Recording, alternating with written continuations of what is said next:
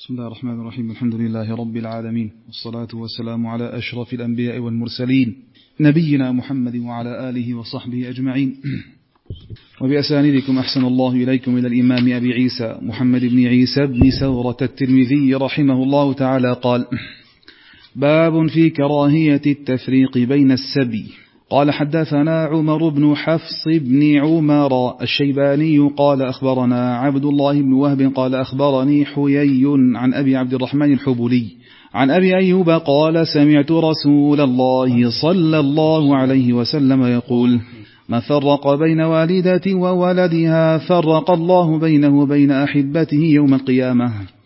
قال وفي الباب عن علي وهذا حديث حسن غريب. والعمل على هذا عند أهل العلم من أصحاب النبي صلى الله عليه وسلم وغيرهم كره التفريق بين السبي بين الوالدة وولدها وبين الولد والوالد وبين الإخوة. قال باب ما جاء في قتل الأسارى والفداء. قال حدثنا أبو عبيدة بن أبي السفر واسمه أحمد بن عبد الله الهمداني ومحمود بن غيلان قال حدثنا أبو داود الحفري قال حدثنا يحيى بن زكريا بن أبي زائدة عن سفيان بن سعيد عن هشام عن ابن سيرين عن عبيدة عن علي رضي الله عنه أن رسول الله صلى الله عليه وسلم قال إن جبريل هبط عليه فقال له خيرهم يعني أصحابك في أسارى بدر. القتل أو الفداء على أن يقتل منهم قابلا مثلهم قالوا الفداء ويقتل منا. قال وفي الباب عن ابن مسعود وأنس وأبي برزة وجبير بن مطعم وهذا حديث حسن غريب من حديث الثوري لا نعرفه إلا من حديث ابن أبي زائدة وروى أبو أسامة عن هشام عن ابن سيرين عن عبيدة عن علي عن النبي صلى الله عليه وسلم نحوه. وروى ابن عون عن ابن سيرين عن عبيدة عن النبي صلى الله عليه وسلم مرسلا. وأبو داود الحفري اسمه عمر بن سعد. قال حدثنا ابن أبي عمر قال حدثنا سفيان قال حدثنا أيوب عن أبي قلابة عن عمه عن عمران بن حسين أن النبي صلى الله عليه وسلم فدا رجلين من المسلمين برجل من المشركين. هذا حديث حسن صحيح. وعم أبي, وعم أبي قلابة هو أبو المهلب واسمه عبد الرحمن بن عمرو ويقال معاوية بن عمرو وأبو قلابة اسمه عبد الله بن زيد الجرمي. والعمل على هذا عند أكثر أهل العلم من أصحاب النبي صلى الله عليه وسلم وغيرهم أن للإمام أن يمن على من شاء من الأسارى ويقتل من شاء منهم ويفدي من شاء.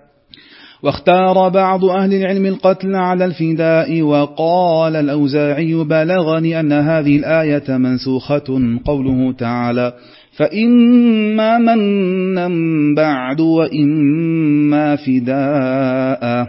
نسختها قوله وقتلوهم حيث ثقفتموهم. قال حدثنا بذلك هناد قال حدثنا ابن المبارك عن الأوزاعي. قال إسحاق بن منصور قلت لأحمد إذا أسر الأسير يقتل أو يفاد أحب إليك. قال إن قدروا أو قدروا أن يفادوا فليس به بأس وإن قتل فما أعلم به بأسا قال إسحاق الإثخان أحب إلي إلا أن يكون معروفا فأطمع به الكثير أو فطمع به الكثير أو يطمع به الكثير. نعم. قال باب ما جاء نعم بسم الله الرحمن الرحيم. وبه نستعين نحمده سبحانه وتعالى ونثني عليه الخير كله ونصلي ونسلم على نبينا محمد وعلى آله وأصحابه والتابعين لهم بإحسان إلى يوم الدين. أما بعد فقال أبو عيسى الترمذي في كتابه الجامع قال باب في كراهية التفريق بين السبي والمقصود بذلك عندما يغلب المسلمون الكفار ويسبوا نساءهم وأطفالهم ويستأسروا رجالهم فهنا قد يكون في السبي امرأة مع ولدها أو امرأة مع بناتها أو مع أولادها أو أخوات أو إخوان وما شابه ذلك. فذهب بعض أهل العلم إلى أنه لا يجوز التفريق بينهم وخاصة إذا كانوا هؤلاء صغارا فإنهم يحتاجون إلى رعاية من أمهم. فلا يجوز التفريق فيما بينهم في هذه الحالة. نعم. وذهب بعض أهل العلم إلى جواز ذلك والأقرب هو المنع من ذلك وأن حديث أبي أيوب الأنصاري رضي الله عنه حديث ثابت بمجموع طرقه وقد مر علينا فيما سبق برقم 1600 عفوا مر علينا هذا الحديث برقم 1329 قال حدثنا عمر بن حفص بن عمر الشيباني وهو البصري وهو صدوق. توفي سنة خمسين ومائتين. قال أو نحو سنة خمسين ومائتين. قال أخبرنا عبد الله بن وهب. وعبد الله بن وهب هو بن مسلم القرشي مولاهم المصري وهو إمام حافظ. توفي سنة سبع وتسعين ومائة. قال أخبرني حيي. وحيي هو بن عبد الله بن شريح المعافري المصري. توفي سنة ثمان وأربعين ومائة وقد خرج له أصحاب السنن وحيي مختلف فيه. قال ابن معين ليس به بأس وأما البخاري فقال فيه نظر. نعم فهو مختلف فيه ولعله يحسن حديثه إذا استقام وهذا الحديث من مما استقام من حديثه وذلك أنه قد توبع. نعم كما سوف يأتي بمشيئة الله. فهذا الخبر قد جاء من طرق وهناك حيي آخر وهو حيي بن هانئ. نعم وحيي بن هانئ هذا قال ابن حجر أيضا صدوق يهم كما قال عن هذا صدوق يهم. ولكن الذهبي قال عن الثاني وثقه جماعة وقال أبو حاتم صالح الحديث. قال عن أبي عبد الرحمن الحبلي. وهو ثقة مشهور قال عن أبي أيوب الأنصاري وقد سمع أبو عبد الرحمن الحبلي من أبي أيوب كما سوف يأتي. وأبو أيوب الأنصاري هو خالد بن زيد الأنصاري النجاري وهو صحابي جليل مشهور رضي الله تعالى عنه. وقد توفي سنة خمسين. نعم ودفن تحت أسوار القسطنطينية. نعم. قال سمعت رسول الله صلى الله عليه وسلم يقول من فرق بين والدة وولدها فرق الله بينه وبين أحبته يوم القيامة. فهذا فيه وعيد شديد على التفريق ما بين الوالدة وولدها. والسياق يفيد أن هؤلاء الأولاد كبار ولا صغار؟ صغار. أن هؤلاء الأولاد صغار. فهم في حاجة شديدة إلى أمهم كما أن الأم آه، تعطف عليهم ولا ترضى أن يؤخذوا منها وعندها شفقة عليهم ومحبة لهم. فالتفريق بينهم في مثل هذه الحالة هذا لا شك يعني هذا شيء لا يجوز. هذا فيه أذية لهؤلاء الأطفال وأذية لهذه الأم ولا داعي إلى هذا التفريق. نعم هذا الحديث كما تقدم مر علينا برقم 1329 وتقدم أنه محفوظ بمجموع طرقه. نعم قلت عن إسناد أبي أيوب أي الإسناد عفوا قلت عن إسناد حيي الذي معنا. قلت إسناده صالح حيي مختلف فيه وأخرجه أحمد. قال حدثنا حسن بن موسى قال حدثنا عبد الله بن لهيعة عن حيي. وأخرجه الدارمي قال أخبرنا القاسم بن كثير قال عن الليث قراءة قال عن عبد الرحمن بن جنادة قال عن أبي عبد الرحمن الحبلي به. إذا حيي قد توبع ولا لم يتابع؟ نعم قد توبع. نعم نعم. عبد الرحمن بن جنادة. نعم نعم نعم يتأكد يراجع. وأخرجه البيهقي في السنن من طريق بقية عن خالد بن حميد عن العلاء بن كثير عن أبي أيوب. هذا إسناد ثالث. قلت والعلاء لم يدرك أبا أيوب. وأما سماع أبي عبد الرحمن الحبلي من أبي أيوب فهذا وقع في صحيح مسلم. قال سمعت أبا أيوب في حديث من الأحاديث. نعم وفي مسند أحمد من طريق حيي عن أبي عبد الرحمن الحبلي قال كنا في البحر ومعنا أبو أيوب فهذا الحديث بهذه الطرق الثلاثة حديث محفوظ ثابت بمجموع هذه الطرق قال أبو عيسى وفي الباب عن علي رضي الله تعالى عنه قال وهذا حديث حسن غريب. اي نعم إيه فرق بين نعم سوف نعم فرق بين اثنين. لعل نكمل يا أستاذ نعم نعم. فحكم عليه أيضا بنفس الإسناد نعم. حكم عليه بنفس الحكم هنا وهناك. وقد قال هنا والعمل على هذا عند أهل العلم من أصحاب النبي صلى الله عليه وسلم وغيرهم كرهوا التفريق بين السبي بين الوالدة وولدها.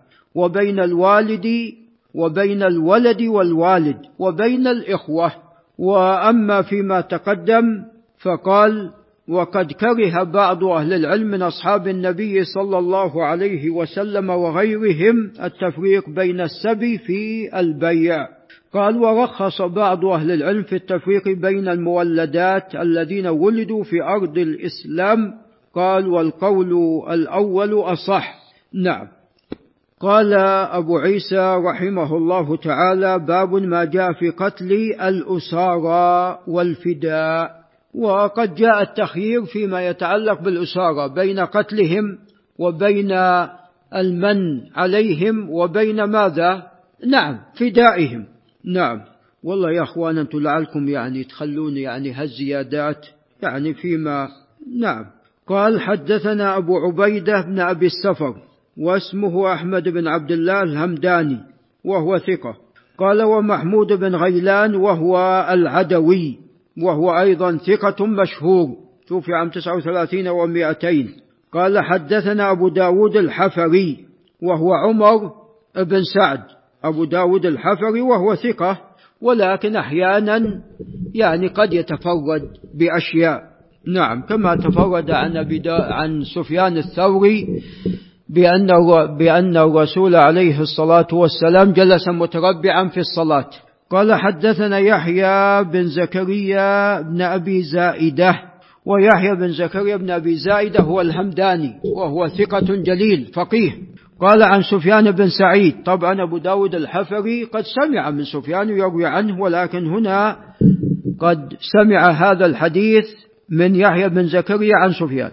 سفيان بن سعيد بن مسروق الثوري الإمام توفي عام 61 ومئة قال عن هشام وهو بن حسان القردوسي وهو ثقة جليل وخاصة فيما رواه عن ابن سيرين فهو مقدم في ابن سيرين.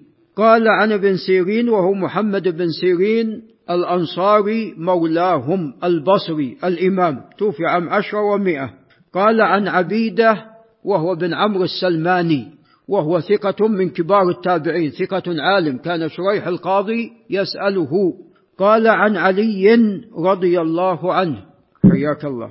طبعا هذا الإسناد ابن سيرين عن عبيده عن علي قيل أنه من أصح الأسانيد قيل أنه من أصح الأسانيد أن رسول الله صلى الله عليه وسلم قال إن جبريل هبط عليه فقال له خيرهم. يعني أصحابك في أسارى بدر القتل أو الفداء على أن يقتل منهم قابلا مثلهم. يقتل من المسلمين. قالوا الفداء ويقتل منا. نعم. قال وفي الباب عن ابن مسعود وأنس وأبي برزة وجبير بن مطعم. قال أبو عيسى هذا وهذا حديث حسن غريب من حديث الثوري لا نعرفه إلا من حديث ابن أبي زائدة وروى أبو أسامة عن هشام عن ابن سيرين عن عبيدة عن علي عن النبي صلى الله عليه وسلم نحوه وروى ابن عون عن ابن سيرين عن عبيدة عن النبي صلى الله عليه وسلم مرسلا. فهذا الحديث اختلف في وصله وإرساله ولذا المصنف ذكره في علله الكبير. فقال سألت محمدا عنه فقال رواه ابن سيرين عن عبيد عن علي وروى أكثر الناس هذا الحديث. قال وروى أكثر الناس هذا الحديث عن ابن سيرين عن عبيد مرسلا. فظاهر كلام البخاري أنه ماذا؟ أنه يراه مرسلا أنه يراه مرسلا. نعم. وهذا أيضا فيما يظهر اختيار بعيسى الترمذي. نعم. فذكر الخلاف في وصله وإرساله ولم يصححه. ولو كان الموصول عنده صحيحا لحكم ماذا؟ لحكم بصحته ولا يقول حسن غريب. فالراجح والله أعلم في هذا الخبر هو الإرسال. نعم. قال حدثنا نعم قال وأبو داود الحفري اسمه عمر بن سعد. قال حدثنا ابن أبي عمر. طبعا أنا أظن أن العلة هنا ليست من يحيى بن زكريا بن أبي زائد أظنه من أبي داود الحفري في وصله. هو أبو أسامة؟ نعم وصل لكن أبو أسامة لا شك ليس مثل الثوري. نعم. قال الدار قطني في العلل وفي متنه نكارة. عفوا. قال الدار قطني والله أعلم والمرسل أشبه بالصواب. المرسل الدار قطني يقول أشبه بالصواب. فهذا البخاري والدار قطني وهو ظاهر أيضا صنيع بعيسى يرون الإرسال. قال ابن كثير وفي قال ابن كثير هذا حديث غريب جدا. نعم. قال أبو عيسى حدثنا ابن أبي عمر وهو محمد بن يحيى العدني وهو ثقة مشهور. قال حدثنا سفيان هو بن عيينة بن أبي عمران الهلالي الإمام. توفي عام 98 و100 قال حدثنا أيوب هو ابن أبي تميم كيسان السختياني البصري وهو إمام أيضا توفي عام 31 و100 قال عن أبي قلابة هو عبد الله بن زيد الجرمي البصري وهو ثقة عالم جليل توفي سنة ثلاث ومئة وقيل غير ذلك. قال عن عمه وعمه سوف يأتي اسمه والخلاف فيه وهو ثقة. قال عن عمران بن حسين بن نجيد الخزاعي البصري الخزاعي نزيل البصرة رضي الله عنه وعن أبيه فأبوه حسين أيضا صحابي حسين بن نجيد نعم. أن النبي صلى الله عليه وسلم فدى رجلين من المسلمين برجل من المشركين. نعم. قال أبو عيسى هذا حديث حسن صحيح. نعم. قال وعم أبي قلابة هو أبو المهلب واسمه عبد الرحمن بن عمرو ويقال معاوية بن عمرو وأبو قلابة اسمه عبد الله بن زيد الجرمي وعمه ثقة وأبو قلابة ثقة عالم. قال والعمل على هذا عند أكثر أهل العلم من أصحاب النبي صلى الله عليه وسلم وغيرهم أن للإمام أن يمن على من شاء من الأسارى. نعم. وقد من الرسول صلى الله عليه وسلم على ثمامة بن أثال. قال ويقتل أو ويقتل من شاء منهم. نعم. ويفدي من شاء. فهذا يعني تبع المصلحة في ذلك. قال واختار بعض أهل العلم القتل على الفداء وهذا مرجوح. وقال الأوزاعي بلغني أن هذه الآية منسوخة. قوله تعالى فإما منا بعد وإما فداء نسختها. قوله واقتلوهم حيث ثقفتموهم. والصواب أنها ليست بمنسوخة. نعم. وهذه الآية لا تخالف الآية التي قبلها. فالنص صريح واضح في التخيير في هؤلاء الأسارى. واقتلوهم حيث ثقفتموهم أن يقتلوا الكفار والمشركين. نعم.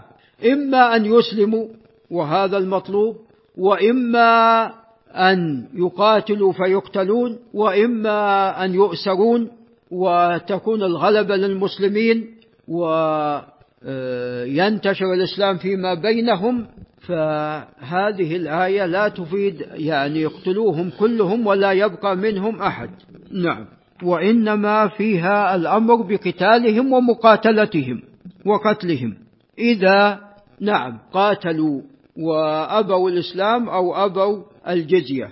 قال حدثنا بذلك هناد وهو ابن السري أبو السري التميمي وهو ثقة مكثر توفي عام 43 و200 قال حدثنا عبد الله قال حدثنا ابن المبارك وهو عبد الله بن المبارك الحنظلي وهو إمام توفي عام 81 و100 قال عن الأوزاعي عبد الرحمن بن عمرو. طبعا تلاحظون أن أبا عيسى بالذات هنا أكثر من النقل عن الأوزاعي لأن الأوزاعي له كتاب السير والأوزاعي من أهل الشام وأهل الشام معروفين بأنهم أهل رباط وجهاد. نعم. وكانوا على ثغور المسلمين. نعم. فلذا لهم أقوال كثيرة فيما يتعلق بأحكام الجهاد. نعم. ولذا هنا أبو عيسى نقل عنا وأيضا في دروس سابقة قال إسحاق بن منصور وهو بن بهرام الكوسج وهو ثقة فقيه توفي عام سبعة وخمسين ومائتين أو نحو ذلك. قال قلت لأحمد إذا أسر الأسير يقتل أو يفادى أحب إليك؟ قال إن قدروا أن يفادوا فليس به بأس وإن قتل فما أعلم به بأسا لأن المسألة كما تقدم الآية خيرت. قال إسحاق الإثخان أحب إلي الإثخان في العدو. إلا أن يكون معروفا فأطمع به الكثير. معروفا أي هذا الأسير. هذا الأسير الذي أسر يكون معروف عندهم. فبالتالي عندما يفادى يفادى بشيء قليل ولا كثير؟ بشيء كثير. فيستفيد المسلمين من هذا الشيء الكثير. نعم. قال باب ما جاء في النهي عن قتل النساء والصبيان. نعم. النساء والصبيان لا يقتلون. النساء والصبيان لا يقتلون. ولذا في بارك الله فيكم في عندما نقض بعض قبائل اليهود نقضوا العهد كانوا يكشفون عن الصغار. فمن أنبت قتل ومن لم ينبت لم يقتل. فالصغار لا يقتلون والحد في الصغر هو البلوغ وأن يكون عمره خمسة عشر سنة والإنبات هذا علامة على البلوغ. قال حدثنا قتيبة وهو بن سعيد. قال حدثنا قتيبة بن سعيد بن جميل بن طريف أبو رجا الثقفي وهو ثقة ثبت توفي عام أربعين ومائتين. قال حدثنا الليث وبن سعد. الفهم المصري وهو إمام جليل. توفي سنة خمس وسبعين ومائة. قال عن نافع مولى عبد الله بن عمر وهو ثقة فقيه حافظ. توفي عام سبعة عشر ومائة. قال عن ابن عمر رضي الله تعالى عنهما أخبره أن امرأة وجدت في بعض مغازي رسول الله صلى الله عليه وسلم مقتولة. فأنكر رسول الله صلى الله عليه وسلم ذلك ونهى عن قتل النساء والصبيان. نعم فلا يجوز قتل النساء ولا الصبيان إلا إذا قاتلوا. إلا إذا قاتلوا.